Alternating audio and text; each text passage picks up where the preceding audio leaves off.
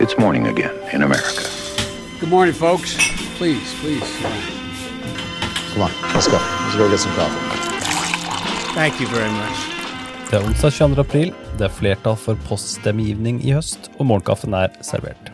I går slapp Senatets etterretningskomité en nøye sladda rapport på 158 sider, som bekreftet det amerikanske etterretningsbyråer lenge har hevdet.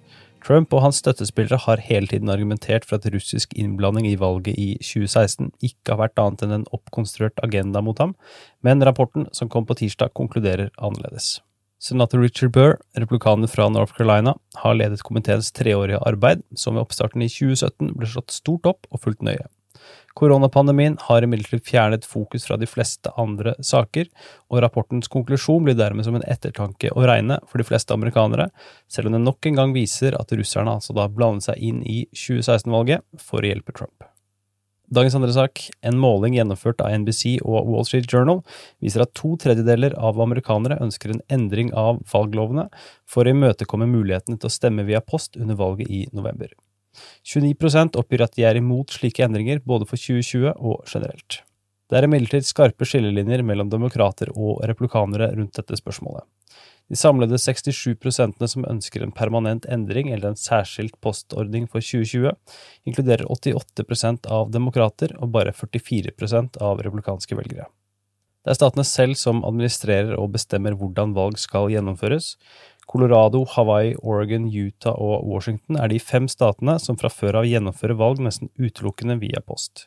I 28 andre stater, i tillegg til District of Columbia, kan velgere be om en stemmeseddel, fylle den ut og sende den i posten uten oppgitt grunn.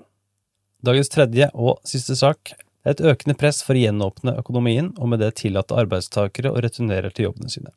Den brå oppstarten som er planlagt i Georgia, skaper imidlertid reaksjoner. Georgia is among several states with Republican governors who are said to be working with each other on the phased reopening of their economy. I Georgia har guvernør Brian Kemp, en republikaner, uttalt at enkelte restriksjoner vil bortfalle allerede førstkommende fredag, da flere bransjer vil kunne åpne dørene for kunder igjen. We will allow gyms, fitness centers, bowling alleys, body art studios, barbers, cosmetologists, hair designers, nail care artists, estheticians, their respective schools, and massage therapists to reopen their doors this Friday, April the 24th. Gjenåpningen i Georgia karakteriseres som et av de mest aggressive trekkene så langt for å få sving på økonomien igjen.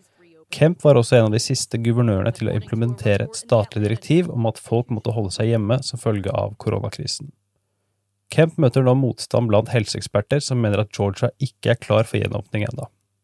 Atlanta-borgermester Keisha Lance Bottoms, demokrat, har også bekreftet at hun ikke ble brifet av Kemp i forkant av nyheten om at delstaten kan gjenoppta flere aktiviteter på fredag, med forbehold om sosial distansering. And so it concerns me. I have a great working relationship with our governor, uh, but I did not speak with him before he made this announcement. I spoke with Mayor Hardy Davis, who is the mayor of Augusta, Georgia, the second largest city in the state. He did not speak with the governor. I've spoken with several leaders across the state. So we really are at a loss, and I am concerned as a mother and as the mayor of our capital city. Dagens utgave av Morgenkaffen er servert av Henrik Skotte og undertegnede Are Togoplaten. Du leser mer på amerikanskpolitikk.no.